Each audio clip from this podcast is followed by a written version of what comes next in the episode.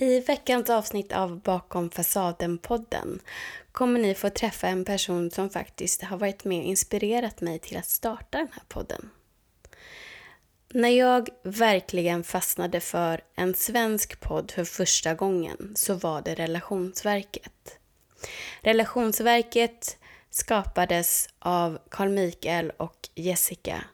Ett äkta kärlekspar som delade med sig med sån enorm transparens med sina känslor, tankar och deras förhållande. Vi som lyssnare bjöds in till att förstå hur man kan tänka, hur man kan känna och hur det ser ut när man är så otroligt tydlig och öppen med varandra. Deras förhållande såg inte ut som normen säger att man ska göra. Och därför så blev de också ifrågasatta. Tyvärr så förstår inte alla sånt som inte ser ut så som de är vana vid. Men jag tycker personligen efter att ha följt deras resa att jag sällan har sett så mycket kärlek. Så mycket genuin undran över hur den andra fungerar och också att den var hela tiden så otroligt måna om att den andra ska må bra. Mitt i en konflikt så kunde de stanna upp oavsett hur mycket känslor som svallade och fråga den andra vad behöver du just nu? Och där tänka efter och reflektera innan de svarade. Jag är övertygad om att deras sätt att kommunicera är någonting vi alla har att leva efter och lära av. Om du inte redan har lyssnat på Relationsverket så verkligen gå in på deras podd efter du har lyssnat på den här. Och lyssna så kommer ni förstå också mycket bakgrund till vad vi pratar om i veckans avsnitt. För jag vill ju såklart fortsätta lyssna på den här kloka kvinnan.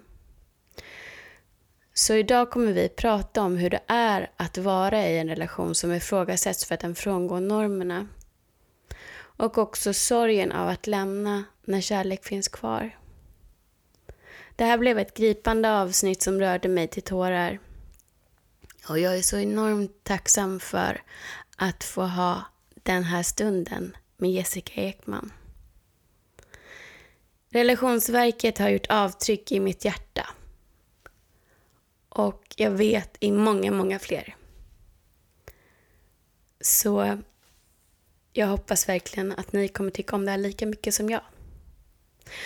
Och när jag ändå har dig på tråden, du som lyssnar. Snälla hjälp till. Tillsammans kan vi göra skillnad. Dela podden, prata om den. Kom med feedback. Jag lär mig fortfarande och jag är så, så tacksam för alla ni som fortsätter stötta, lyssna och komma med era åsikter och tankar.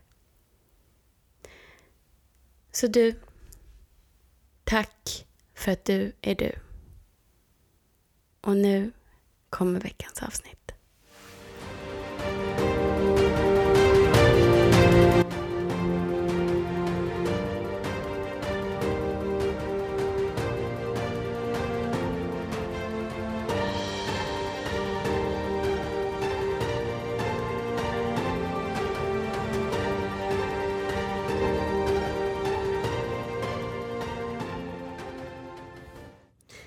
Varmt välkomna till veckans avsnitt av Bakom fasaden-podden. I början av året så fastnade jag riktigt rejält för en annan podd. Och då hade jag inte ens riktigt bestämt mig för att jag ville podda. Den här podden hette Relationsverket och eh, det var Jessica och Carl Mikael som på ett helt annat sätt än jag någonsin hade varit med om förut så sårbart och vackert delade med sig av sitt förhållande med oss lyssnare. Jag blev jätteinspirerad, inte bara av deras historia men också av deras sårbarhet och tänkte att det här vill jag göra. Så när ni lyssnar på mitt första avsnitt när jag sitter och gråter och skrattar och har mig så är jag superinspirerad av Jessica Ekman. Och idag har jag äran att sitta mitt emot henne i studion. Välkomna. Jag börjar med en tår. Hej Helena. Gud, vilken Ja. fin eh, presentation. Tack. Ja men det är verkligen sån, sån inspiration att lyssna på dig. Och Carl Mikael också. Men jag Mm. relaterar ju väldigt mycket med er båda. Och eh, det som har gripit mig starkast, som har gett mig allra mest är att eh, ni visade mig också att relationer ser inte ut som mina förhatliga normer som jag verkligen kräks på. Nej, det får man väl verkligen säga att vi inte har gjort som gemene man. Eh, nej, vi gjorde ju lite annat. Så. Verkligen också att ni var så modiga och delade med er av vad ni tänkte, vad ni kände och också kunde vara så öppna mot varandra. Mm. Det, det hade i alla fall jag inte sett någon annanstans tidigare. Vad fint. Så jag tänker att vi ska ta det här tillfället i akt och verkligen prata om hur, hur kan man komma dit och hur ett förhållande kan se ut som jag tror att det gör i många, många fall. Eller en relation Mm. också. ehm, där det inte är direkt att man dejtar, man blir tillsammans, man skaffar en lägenhet ihop. Alltså Ja. det behöver inte vara den här traditionella vägen alla gånger. Och det kan vara minst lika vackert och kanske ibland kan jag uppleva starkare på andra sätt. Ja. Så Kärlek kommer verkligen i många, eller finns i så många olika former, tänker jag mig. Eh, och jag tror att vi lär oss ganska tidigt att, eh, eller så här, vi presenteras för få sätt av kärlek. mm. Eh, och så fort det ser ut på ett annat sätt så misstolkar vi det och så ser vi inte att det, det också är kärlek. Mm. Eh, och därför så, jag är helt med dig på att vi har lärt oss att relationer ser ut på vissa sätt. Och det är så, eftersom majoriteten av relationer ser ut så, eh, man träffar en partner, flyttar ihop, får barn, bil, ja så. Eh, så, är det, så tar vi det för sanning, att det är så här relationer ser ut. Och allt som inte är det är fel. Allt som inte är det är inte kärlek. Och så är det ju med normer eh, att vi sällan ifrågasätter dem för att vi växer upp med dem och ser dem som en sanning. Eh, och då är allt annat än det eh, osant eller dåligt eller inte rätt. Liksom. Ehm, och det skulle jag säga, så här, är det någonting som jag vill missionera med i världen så är det just det att eh, jag brukar prata om eh, presuppositioner, alltså att man har valda sanningar eller förutfattade meningar eller tankar, åsikter, värderingar om hur saker ska vara. Eh, och där, de behöver vi ibland ifrågasätta. Att så här, vad baserar jag de här värderingarna på? Eller vad baserar jag den här sanningen på? Kan det vara så att det finns andra saker som också är sant? Mm. Och det behöver inte alltid utesluta det andra. Att om du vill leva i en klassisk typisk relation så är det också rätt. Eh, och vill du leva på ett annat sätt så är det också rätt. Att, eh, nu kanske det här blev jätte liksom, rörigt men min upplevelse är att vi lever i en värld där vi lär oss att det finns ett rätt Mm. och sen finns det fel. Eh, det finns en sanning. Men för mig är det inte så. Det finns jättemycket olika sanningar. Och vi behöver hitta vad som är sant för just mig. Ja, och det är väl också att jag tror att många av oss vet inte riktigt vilka vi är utan vi bara springer på i livet och då blir normerna så lätta att tillgå. Ja, Och när den normen som finns inte stämmer överens med den man är och det man Mm. egentligen behöver då hittar man ju inte rätt när man försöker leva i den normen heller och det är där det blir fel för så många människor. verkligen. Och det är väl där man börjar ifrågasätta sig själv också. Att men om jag inte passar in i den här bilden, Eh, då är det fel på mig. Och det har vi också lärt oss någonstans. Bara att vi använder ordet normal, jag är allergisk mot det ordet. För att så här, vad ger det för eh, vad ger det oss för värdering om så här, ja, men okej, det som inte är normalt, vad är det då? Det är onormalt. Och det tolkar vi då som att det är fel eller konstigt. Och om du då inte är normal, fa- det är också rätt. Liksom, det är inte fel. Eh, det tycker jag är viktigt. Och det där äckliga ordet norm finns ju i normal. Ja exakt. Så det hänger väl ihop. Exakt. Ja, men och det är också som att vi har översatt att all forskning som, som görs och allting som är kopplat till naturvetenskap, ja, men där är det någonting helt annat. Där behöver man ha mätvärden och variabler och, och se att så här, okay, majoriteten, eh, när man eh, låter ett äpple falla från ett träd så kommer den nio av tio gånger så kommer den falla till marken. Eller tio av tio gånger. Och där är någonting helt annat. Att man mäter vad som är en normal konsekvens. Eller det här sker alltid när vi gör det här. Men när vi pratar om människor, beteenden, känslor. Vi är inga fors det, är, det är inte... Eh, jag vill inte se mig som en vetenskaplig variabel där det finns ett rätt och ett fel. Att Jessica, så här ska du må. Så här ska du känna nu, så här ska du göra nu, så här ska du. Och det är där eh, det blir fel, tycker jag. Det blir för lite variation. Liksom. Ja, och sen så är vi ju sådana som vi försöker upprepa det som vi har sett som barn och mm. tror att det ska vara. Men för det första så kan det ju vara så att vi har uppfattat det på ett sätt ur ett barns ögon som inte stämmer överens med verkligheten. Verkligen. Och sen kanske inte det funkar för en själv heller. Mm. Och då är man inte medveten om vem man är, ens mönster eller var de kommer ifrån. Då blir man ju väldigt vilsen när det, när det inte stämmer överens. Och då kanske det också blir en rädsla för att gå in i en relation överhuvudtaget. Verkligen. Vad fick dig att, eh, om jag får ställa en fråga, mm. eh, den känslan av att så här, men jag vill inte, alltså att det här att inte ifrågasätta dig själv, att se att men jag kanske vill göra på ett annat sätt än vad normen säger. Hur, fick, hur blev det sant för dig? När kom du på det? Det var nog, um, eller jag, jag har nog haft tankarna till och från under flera år. Mm. Men det blev så tydligt i år när jag har verkligen gått in i mitt inre och rotat med hjälp av terapeuter. Och också lärt mig väldigt mycket om anknytningsteorin och förstått mm. hur allting hänger ihop. Att um, jag har förstått varför jag har inte varit i så många relationer på sista åren, sista tio åren och mm. vilka relationer jag har tytt mig till och sådana saker. Och det här med att eh, jag, kan, jag kan ha barndomsvänner som har det här typiska normativa eh, villa, Volvo, två barn och allt det där. Mm. Och jag känner inte att det är någonting som jag vill ha. Men jag trodde att jag kommer vilja ha det här. För det är ju så det mm. är. Um, och så märkte jag att särskilt förra året när jag fyllde 40 att jag kände jättepressat. Nu, nu ska jag vilja ha det här som, som ah. alla vill ha. Och så försökte jag jobba igenom det och eh, jobba mot att träffa någon och eh, skaffa barn och sådana saker.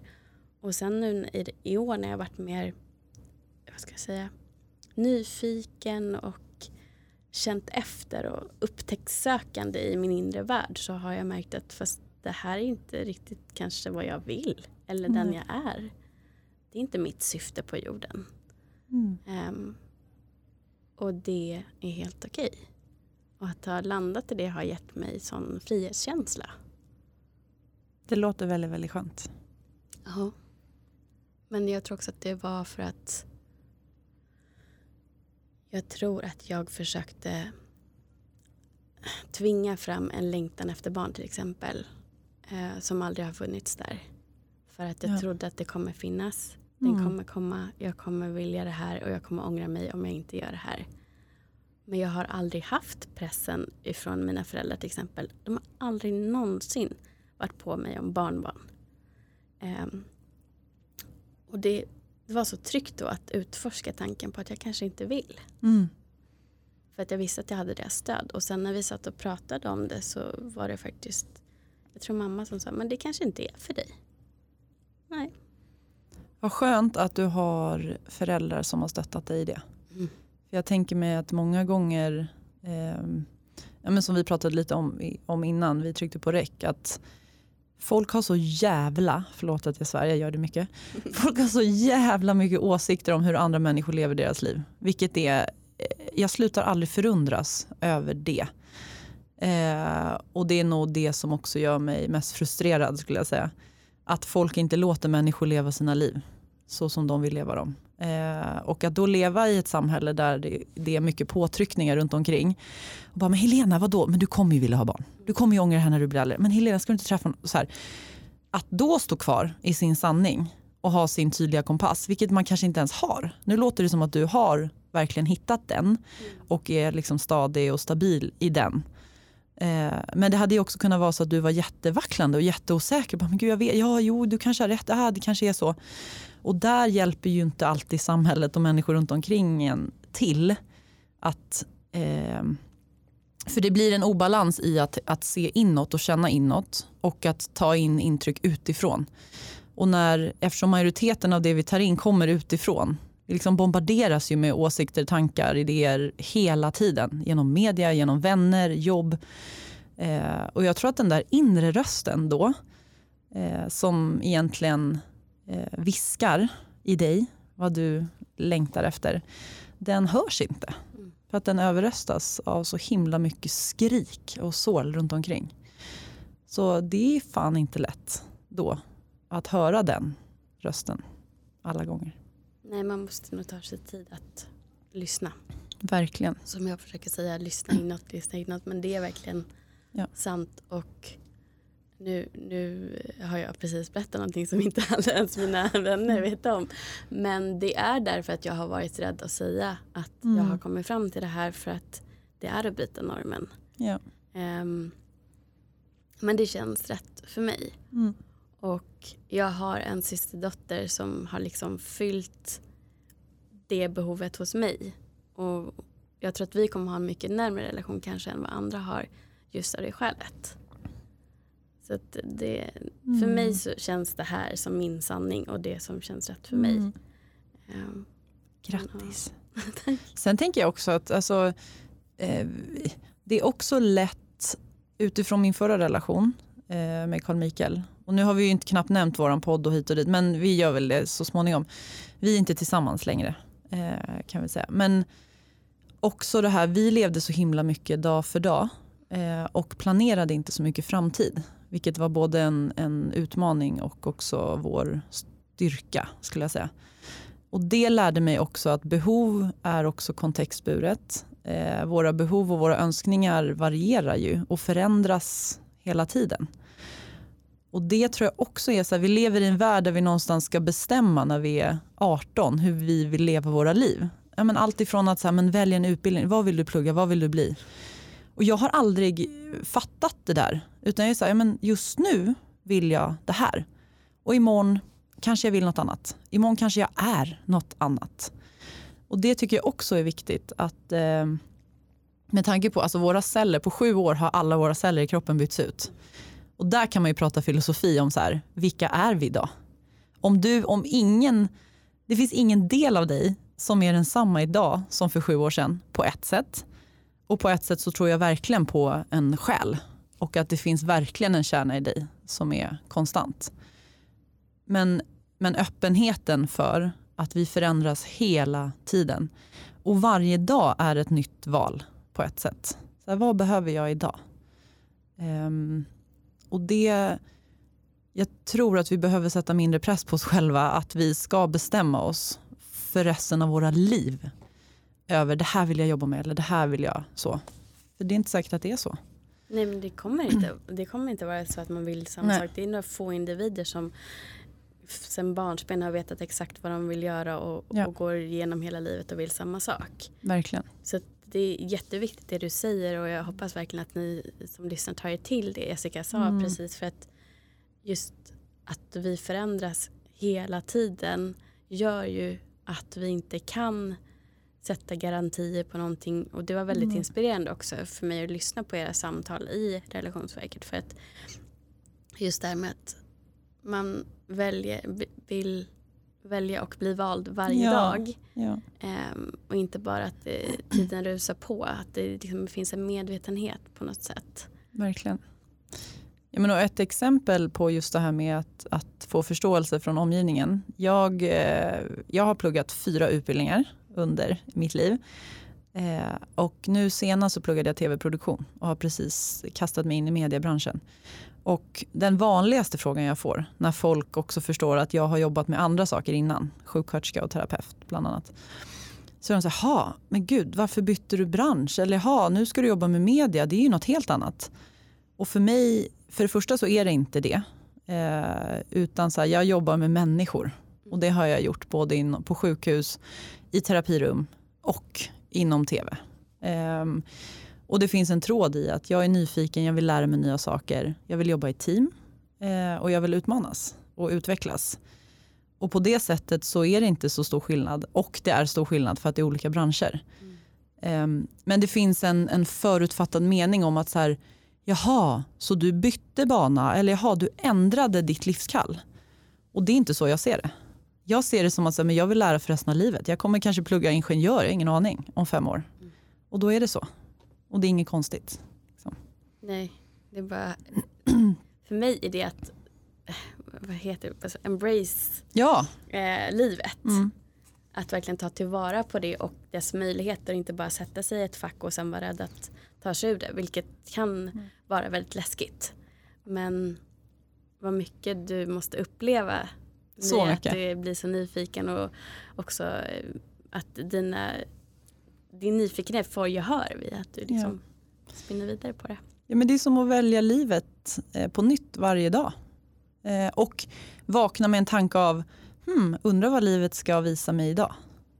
Mm. Eh, och inte vara bestämd i att imorgon kommer det se ut precis som idag gjorde. Så vill inte jag leva. Nej. Och jag förstår folk som vill det. För det finns också människor som trivs jättebra med att göra samma sak varje dag. För att det skapar trygghet. Mm. Och det är också viktigt att förstå och respektera. Mm. Så. Jag hade ett avsnitt um, där vi hade behovskunskap Aha, så att säga, med Desiree Rova.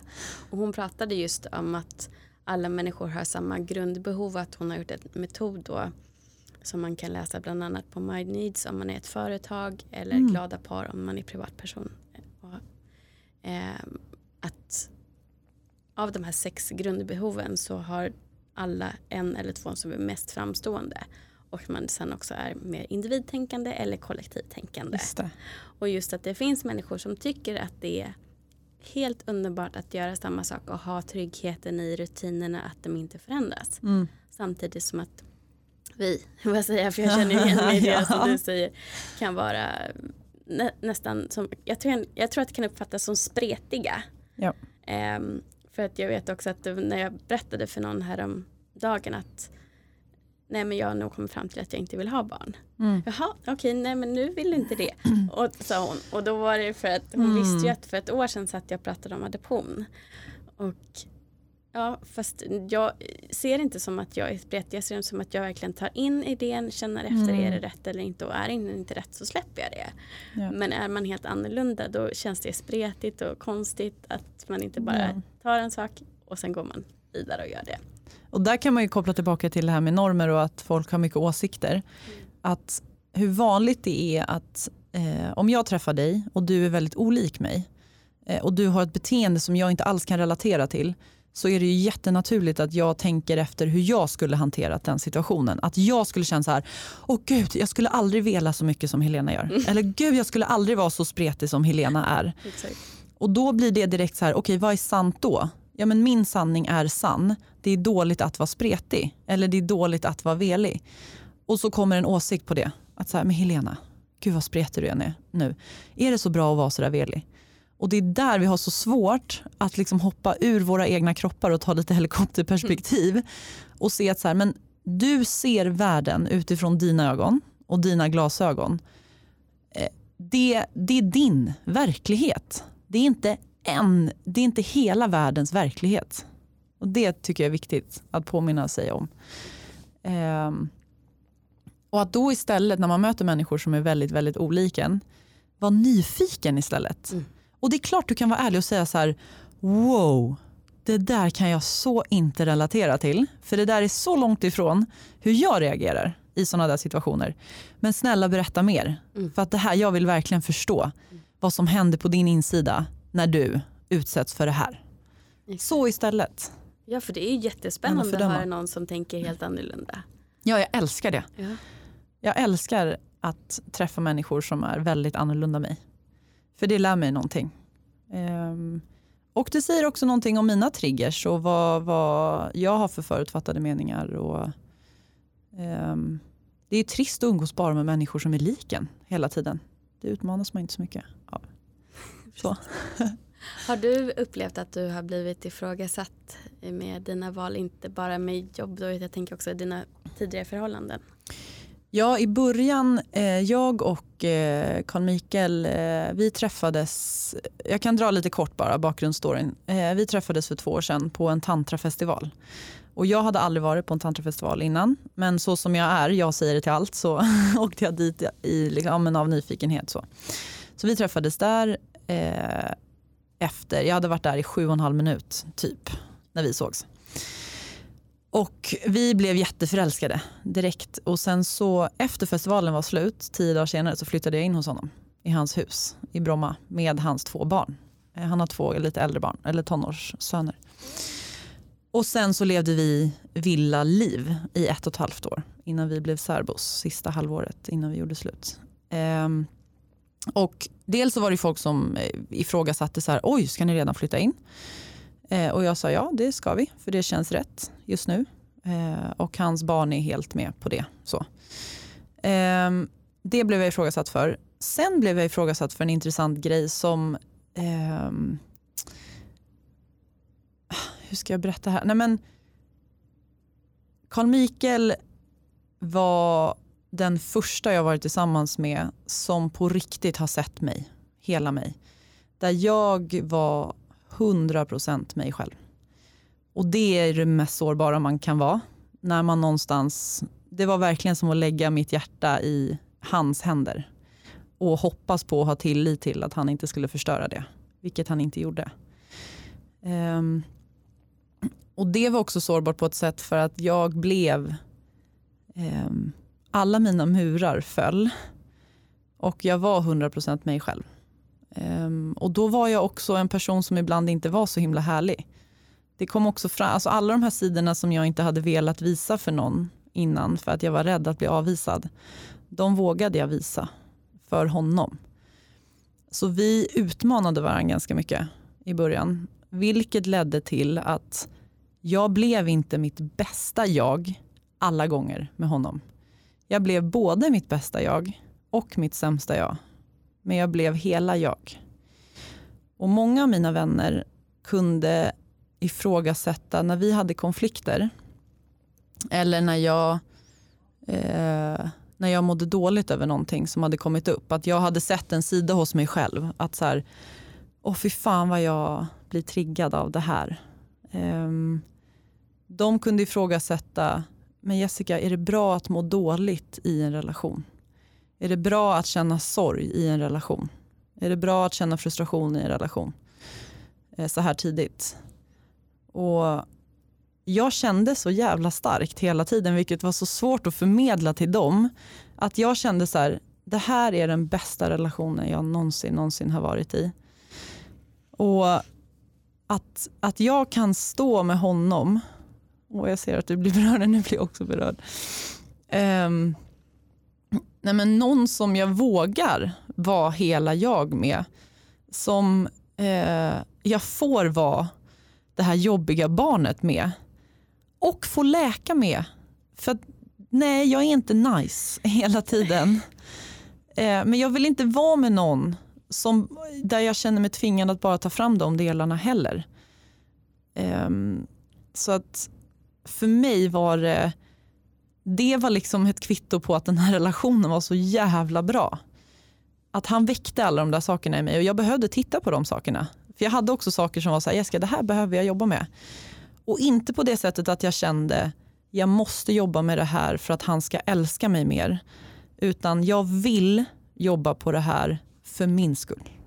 För det här är sår och skit som jag har. Som jag behöver läka för att jag ska älska mig själv lite mer. Men det handlade aldrig om att han älskade mig mindre. Han, älskade, alltså han tog någonstans rollen av att vara den där vikarierande föräldern som kom in och älskade mig ännu mer när jag älskade mig själv som minst. Så det blev jag ifrågasatt för ganska mycket. Eh, att, ja men så här, vadå får han dig må dåligt, är det bra? Så här, det är jättebra. Det är så bra. Um, sen har, blivit, har vi blivit väldigt ifrågasatta för att vi hade en otroligt transparent relation.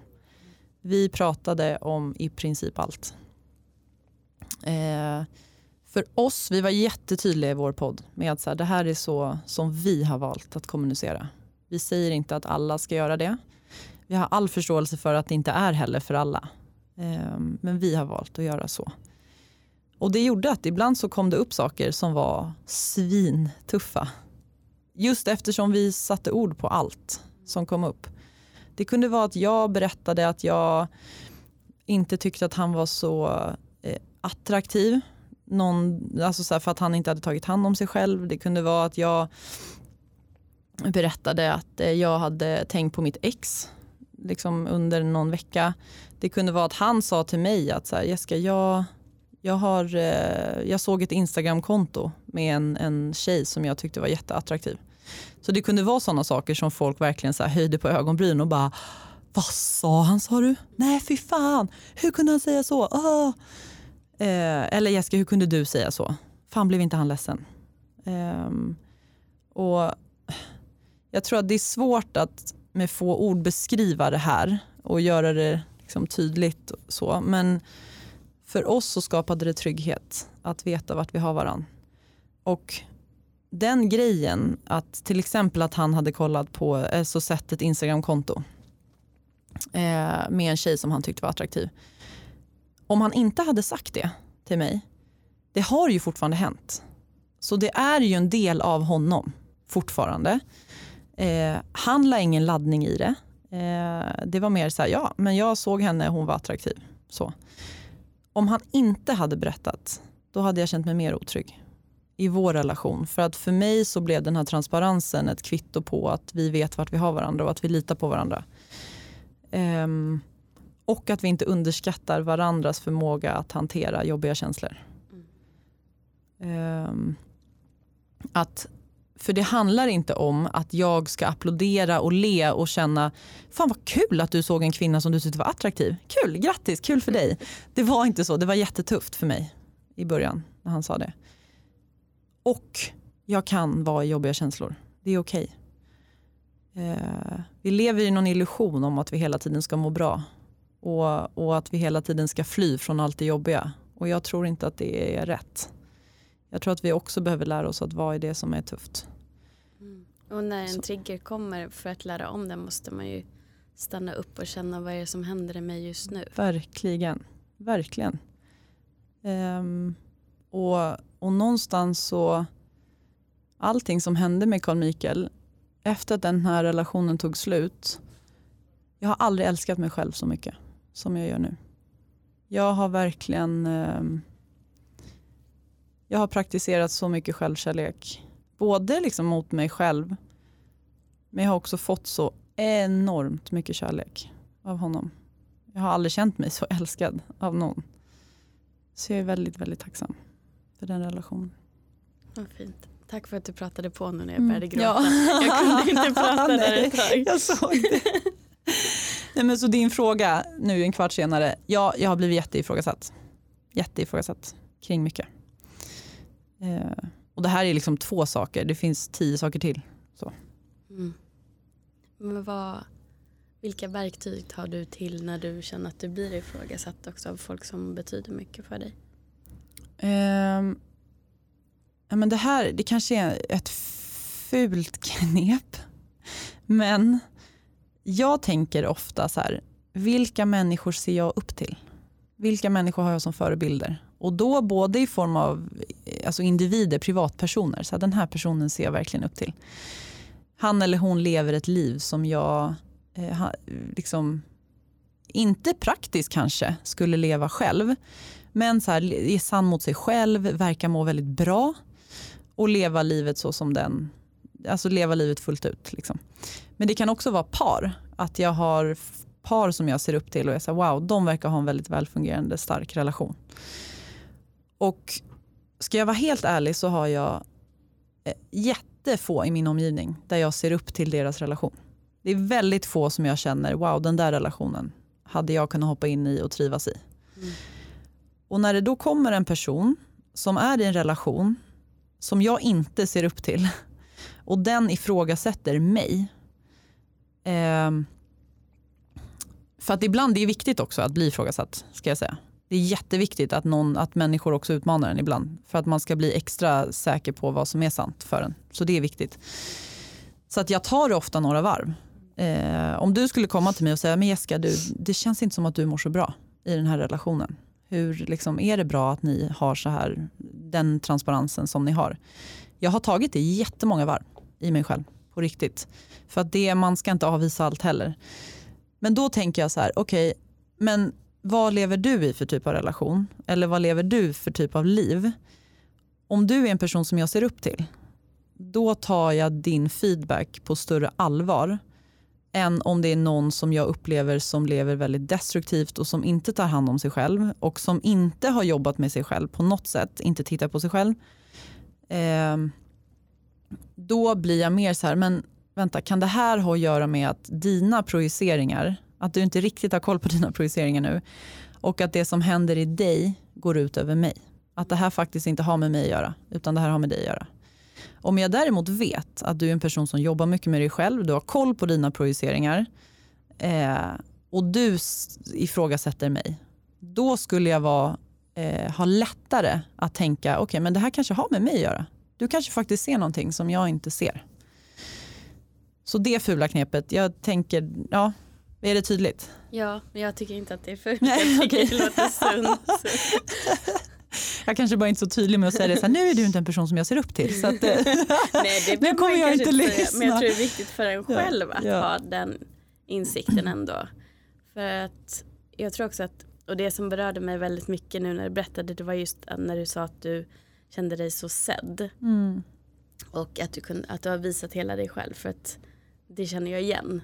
Ja. Um, men jag tänker också att det är ju samma sak, man kan ju ha vänner som man har känt jätte, jättelänge.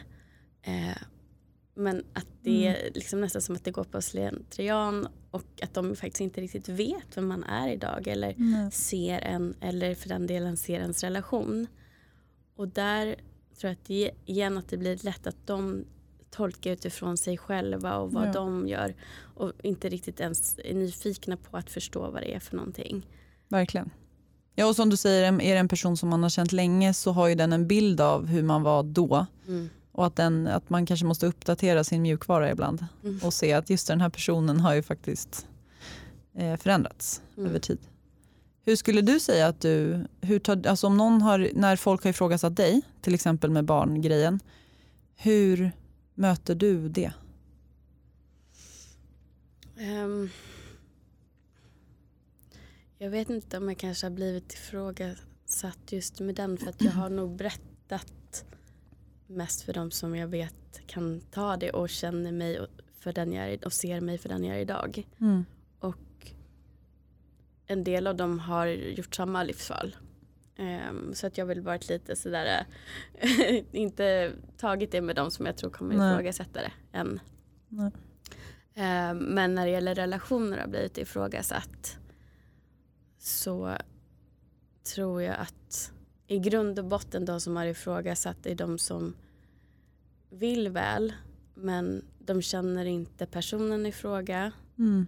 och de känner inte till alla detaljer. De kan höra mig när jag är frustrerad över någonting och det kommer vara så i även de relationer som är normativa. Folk blir frustrerade och man, det, liksom, det finns ingen relation som är guld och gröna skogar hela tiden. Det existerar ja. inte. Um, utan där tror jag att de tolkar utifrån mycket som har varit i min historia. Mm. Det kan vara människor som har känt mig länge och vet om destruktiva relationer jag har varit i. Um, och relationer när jag blivit bedragen och sådana saker. Och då tror jag att det är lätt att fortsätta tänka bara att jag följer samma mönster för att mm. de lämnar inte utrymme eller har nyfikenhet för var är jag idag, var har jag kommit till, hur har jag förändrats, mm. varför gör jag det här valet att eh, vilja lära känna den här personen där, och där vi inte följer normerna som, som de tycker att man ska följa. Ja. Så du ser ändå att de menar väl även om du hade önskat att du hade blivit bemött på ett annat sätt? Ja, jag tror det. Men samtidigt så, så blir det nog att det räcker näst, för mig att veta att jag är den som det här gäller Mm. och jag tar och gör det här valet och det känns rätt för mig. Och på något sätt så räcker det. Och sen kanske jag väljer att inte prata så mycket med just de personerna Ja. om det här. Utan väljer de personer som jag känner är mer likasinnande som är öppna för och nyfikna på Mm. istället. Och inte dömer utan tycker så här, men alla relationer som min kloka pappa sa igår. Alla relationer ser olika ut och man kan inte Ja. utgå från sin egen när man tittar på någon annans. Och där tänker jag vad sund, alltså vilken självkärlek du visar dig själv när du också väljer att eh, tacka nej till vissa typer av relationer. Eller tacka nej, men att du, att du, så här, du pratar inte med alla människor om allt. För att du kanske redan från början vet att ja, men förmodligen så kommer jag bli ifrågasatt av den här personen. Eh, och det, alltså för jag tänker mig att hur stark man än är i sig själv det är klart att vi, vi är mänskliga människor som blir påverkade av vår miljö och människor runt omkring. Så är det. Och skulle vi inte bli det så är det någonting fel skulle jag säga. Hur stark kärna du än har och hur bra självkänsla du än har. Och ibland behöver vi faktiskt byta miljö. Eh, och att det är det vi behöver göra. Inte fortsätta jobba på oss själva och säga men jag ska klara av att sitta framför hundra personer som skriker på mig och ifrågasätter mig. Jag måste klara av det för det är då jag har stark självkänsla. Nej, jag tror inte alltid att det är så. Jag tror att också självkänsla är också att tacka nej till miljöer där vi vet att där kommer jag bli påverkad. Eh, där kommer jag inte kunna ha min sköld och rustning och stå emot. Och därför ska jag inte vara där. Det är också självkärlek. Ja, och bestämma vad, vad är värt det och vad är inte värt det. Jag har nog ingen kvar i mitt liv idag som jag har en nära relation med som är en dömande människa. Nej.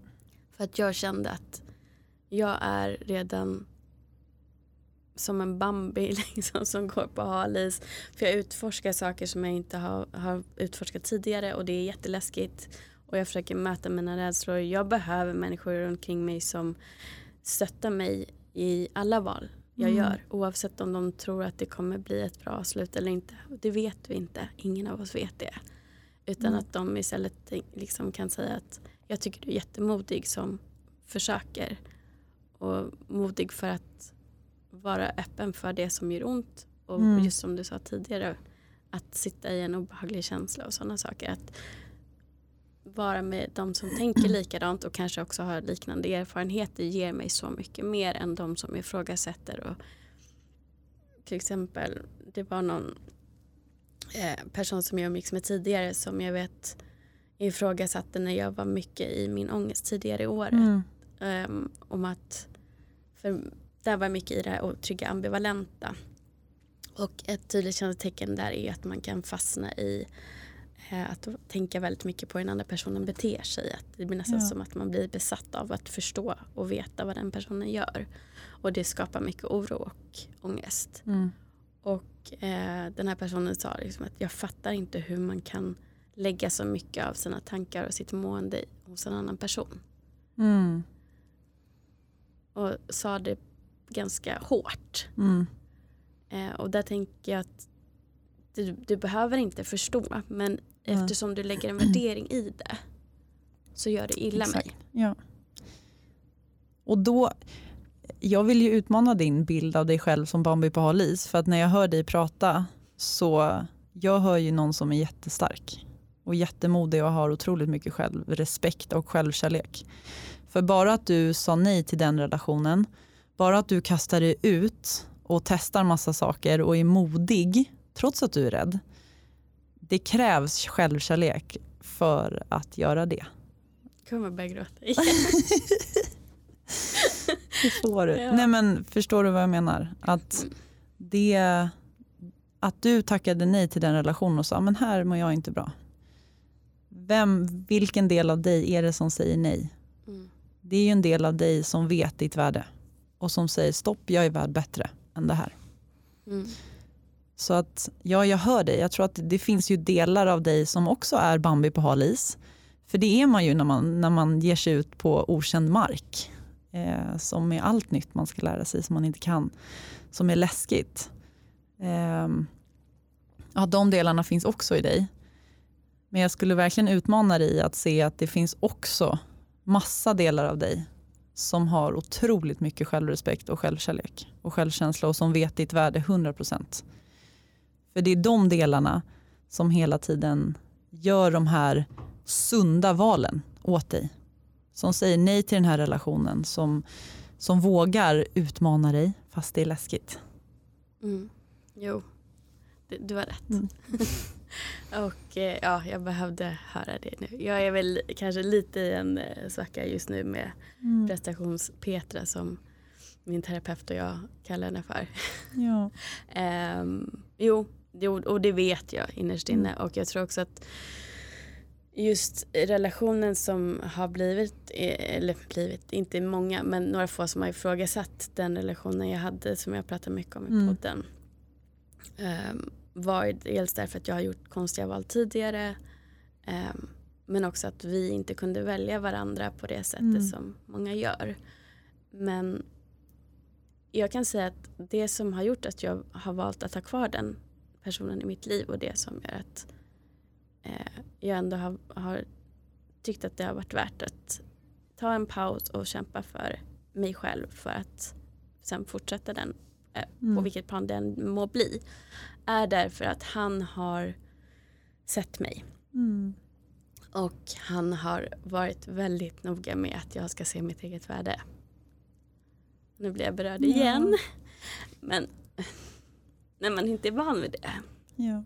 och inte har varit i en sån relation förut så är det så enormt, enormt värt. Mm.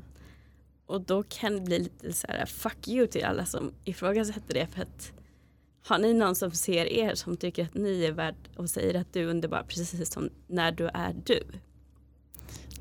Det låter som att den relationen har varit jätte, jätteviktig för dig. Mm. Och att den har gett dig jättemycket viktiga delar. Mm. Och jag tänker att det är så, alltså ingen relation kan ge en allt. Utan man får vissa delar och ibland får man vissa delar man inte behöver. Och man får delar som man behöver. Eh, och ibland så kanske de delar du behöver överväger det där negativa.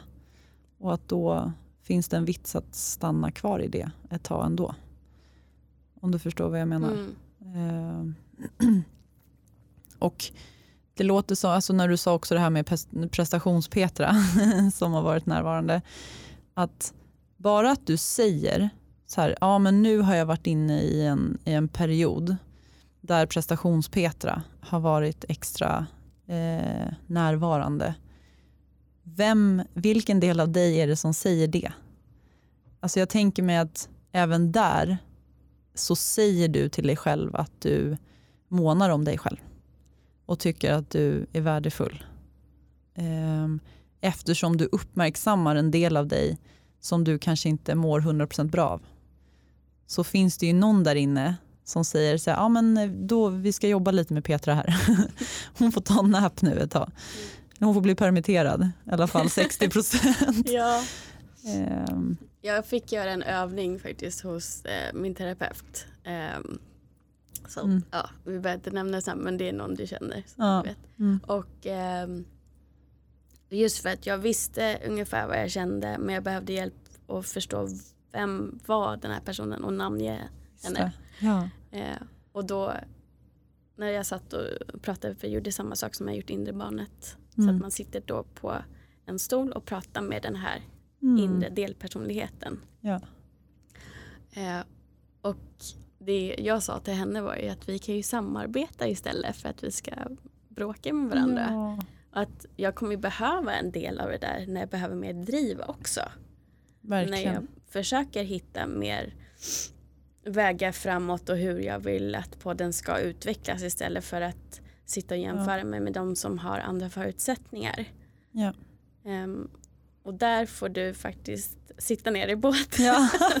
Prestationspetra. Ja. och, eh, för det är inte rättvist och det tänker inte jag lyssna på. Nej. Att man hade då en, en dialog med varandra och att hon då också uttryckte hennes rädsla för att det inte kommer gå framåt och att vi Ja. kommer fastna där vi är och det här måste hända nu, nu, nu. Och den drivkraften är också viktig. Ja. Så att man istället tar liksom de goda bitarna ifrån det Ja. och jobbar tillsammans.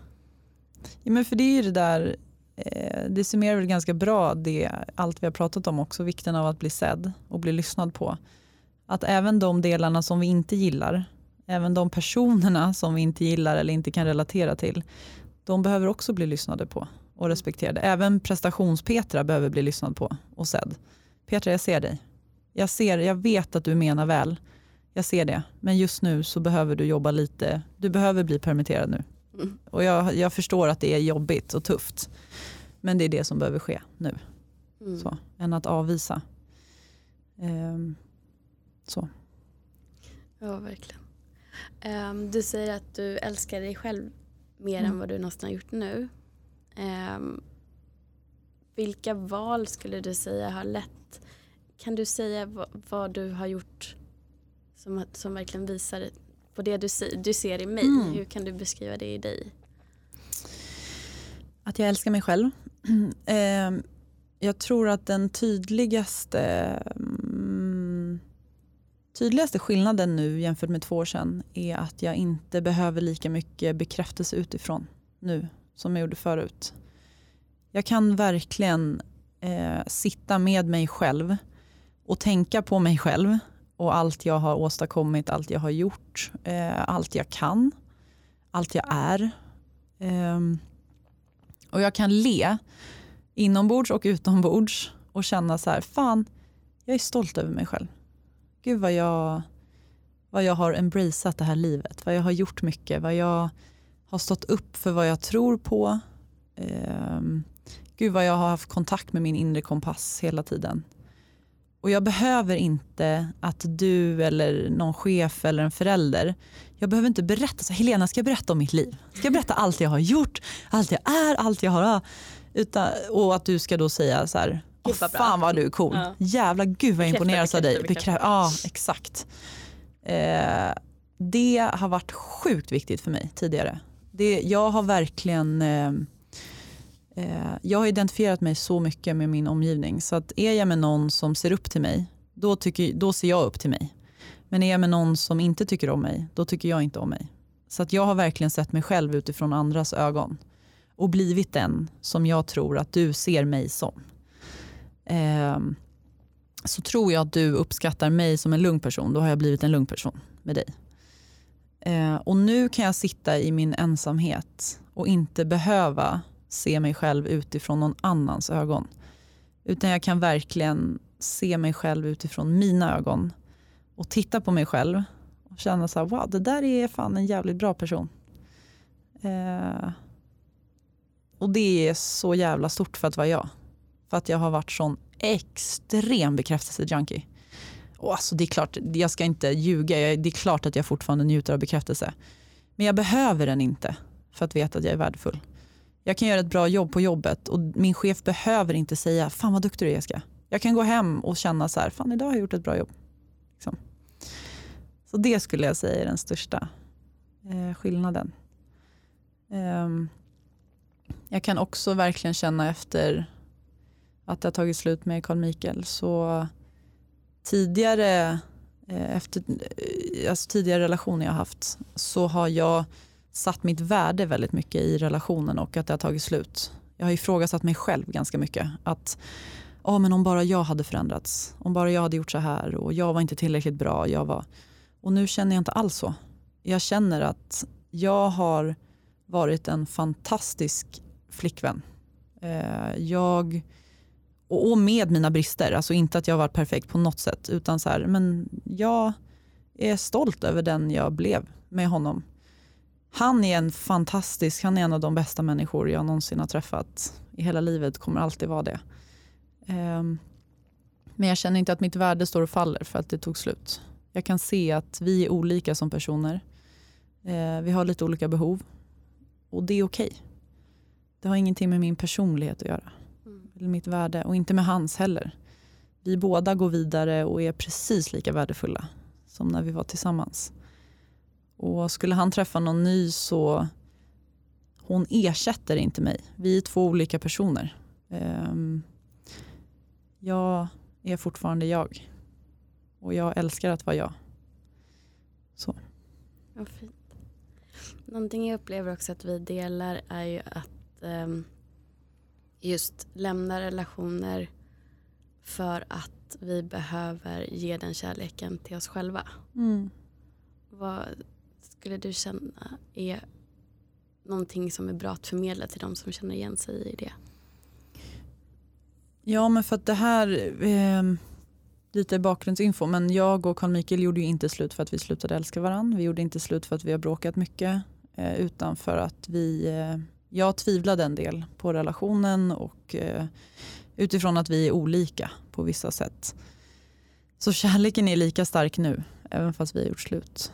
Um, och den typen av sorg, uh, för det är verkligen det jag går igenom nu. Jättedjup sorg. Um, och sorgen över att ha tagit avsked av någon som jag älskar djupt. Och som inte på något sätt har gjort mig illa. Han är inte död, han lever. Um, jag tror att om det är någonting jag vill förmedla så är det att sorg... Vi behöver gå igenom sorg genom livet. Det, det, är inte på någonting, det är inte på något sätt någonting som ska botas. Det är inte negativt, det är inte farligt. Ehm, det är sorgligt. Och det känns. Och vissa dagar känns det som att hjärtat ska gå sönder. Vissa dagar känns det som att jag ska dö. Um, men jag hade inte känt sån här stark sorg om jag inte heller hade känt sån enorm kärlek med honom. Och jag tror att vi behöver riskera att känna sorg om vi på riktigt vill känna riktig kärlek i livet. Och om jag ska leva fullt ut, då kommer jag älska fullt ut men jag kommer också sörja fullt ut.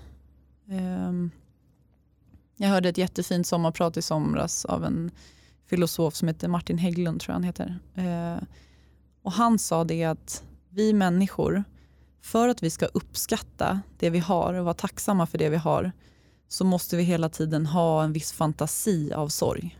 För att om vi inte kan fantisera om eller föreställa oss hur det skulle vara att förlora någonting, hur ska vi då uppskatta det när vi har det? För annars så tror vi att det är oändligt. Och livet är ju inte oändligt. Vi ska dö en dag.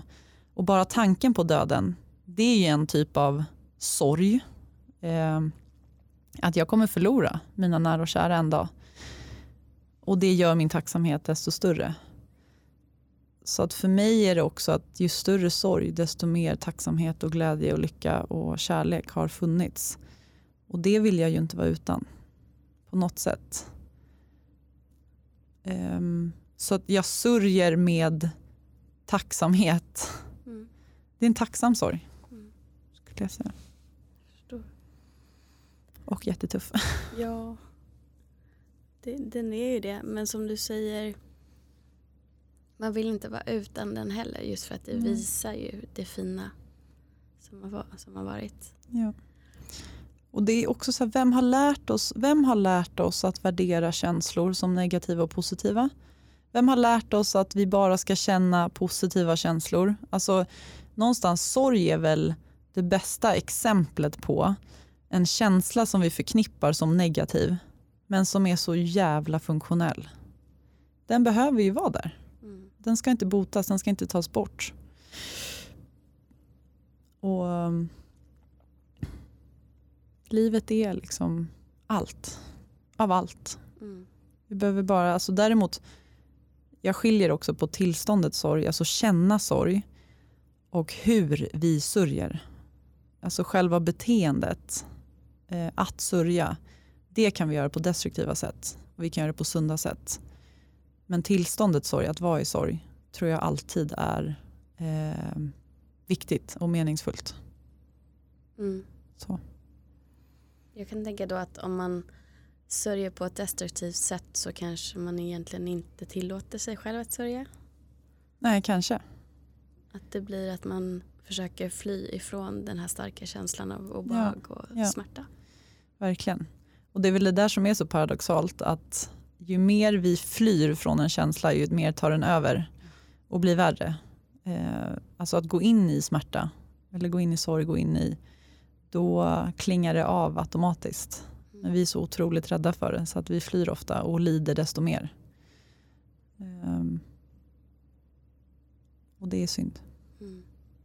Vilka tre tips skulle du ge till de som lyssnar som går igenom en liknande sorg? Um, jag skulle säga att um, hitta en eller några personer som du känner dig trygg med. Som du känner att du kan sörja med. Um, för ibland behöver vi bli hållna och burna i sorgen när det blir för tungt. Och jag övar jättemycket på att inte dra mig undan. För jag har en tendens att vara, vara väldigt mycket själv när jag mår dåligt. Men jag övar på att nå ut till famnar som jag vet kan hålla mig. Så det skulle jag säga än att våga nå ut till någon som du känner dig trygg med. Och bara testa. Ehm, det är det första. Det andra skulle jag säga, var jättetydlig med dina behov mot de du har runt omkring dig. För att de flesta som du har runt omkring dig vill förhoppningsvis väl. Men alla, alla sörjer olika, alla har olika behov.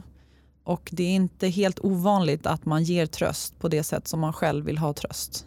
Att om du är en person som ofta vill prata när du är ledsen och vill ha råd, då är det ganska stor sannolikhet att du kommer ge råd till din vän när hon eller han är ledsen. Eh, och där behöver vi ibland förekomma och vara tydliga med att så här, för så kan jag vara med min mamma till exempel. Hon bryr sig om mig så jävla mycket och vill att jag ska må bra. Eh, och hon kan gå in ganska mycket i prat och råd och sådär.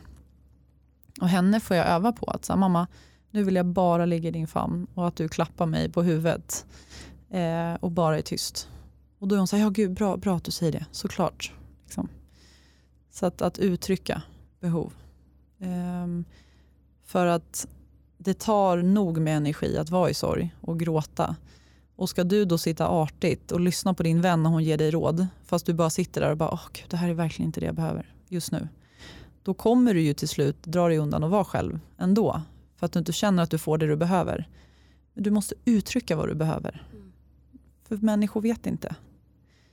Och vi är ganska dåliga på att fråga. Det bästa hade varit om vännen hade frågat, hej, vad kan jag göra för dig? Vad behöver du?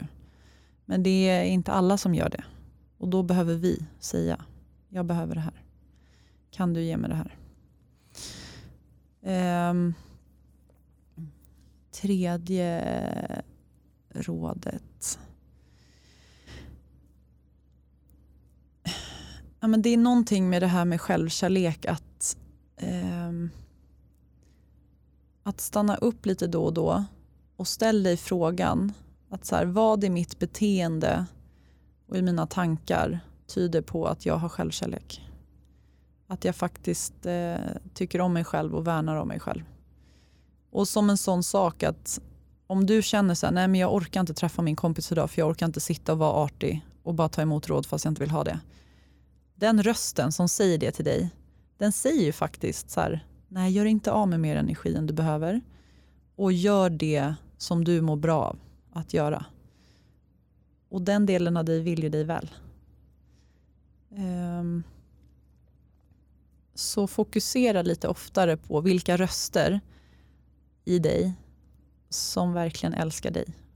Mm. Och vill dig väl. För det finns många där inne även om du inte... Du kanske misstolkar de rösterna ibland. Mm. Så. Bra råd. Mm. Tack. Och jag tänker också något annat att ta med sig från det här avsnittet är ju just att lyssna på dina egna behov mm. och att omge dig med personer som kan möta dem där du behöver bli mött på det sättet. Att man ska kunna uttrycka och veta att man kan uttrycka det på ett tryggt sätt. Man blir mött ja. i det. att det inte är någon som inte är öppen för att lyssna eller blir defensiv eller ja, på något Verkligen. sätt inte tar emot det på rätt sätt. Att du som en, ett steg i självkärleken också blir Mm. mer selektiv med vilka människor som du lägger din, Ja, ditt verkligen. huvud i, i dess famn. Liksom. Och öva på att uttrycka behov. Mm. För att eh, det är ofta som vi anklagar andra för att inte ge oss det vi behöver. Att säga, åh gud hon ger alltid råd. Men har du sagt vad du behöver? Mm. Så börja med dig själv. Verkligen.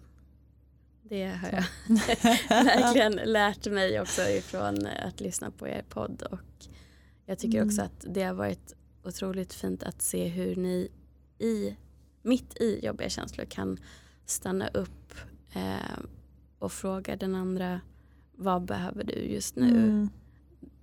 Det Ja. vill jag ta med mig i, vidare i livet också. Så att jag Mm. tror att folk Ja. har inte liksom den insikten att man Nej. kan göra så. Jag är väldigt stolt över vår relation faktiskt. Den, ehm, och vi har sett hur stor skillnad den har gjort för folk. Mm. Och den lever ju, podden lever vidare och eh, vi har ju båda förändrats så mycket som personer. Så på ett sätt så kommer vi alltid vara en del av varandras liv. Mm. Även om relationen tar slut. Det är jag Ja. väldigt tacksam för. Det, det går ju fortfarande att lyssna. Mm. Det finns ju jättemånga, det finns Spotify och det finns podcaster och ja, de, de flesta poddportaler går ju att bara söka på Ja. Relationsverket så får ni upp alla de här avsnitten. Men jag är nyfiken Helena ändå, efter att du har lyssnat på vår podd och Ja. efter att du också har jobbat mycket med dig själv så Mm. senaste tiden. Vad är för dig viktigast i nästa relation? Har du någon så här, ja men det här är en dealbreaker. Alltså det här är eh, för att du ska gå in i nästa relation med så mycket självkärlek som möjligt. Har du någon sån inre kompass som, Mm. Ehm, det gäller egentligen kanske hela mitt liv för att jag vill inte längre låta någon delpersonlighet styra mm. Ehm, utan den, det autentiska, det som är jaget, min själ, ska hela tiden kunna vara intakt. Att jag vill försöka att inte anpassa vem jag är allt för mycket. Självklart så kanske man behöver göra det i vissa affärssammanhang. sammanhang. Ja. Men att jag vill försöka vara så mycket jag i så många situationer som möjligt i livet och där också i nästa relation. Eh, att jag inte förändra mig eller anpassa mig efter vad jag tror den personen vill ha. Och det ligger ju hos mig Mm. att eh, hålla koll på det. Eh, men också att vara med någon där jag känner mig trygg med att utveckla och visa mer och mer av den jag är. Mm.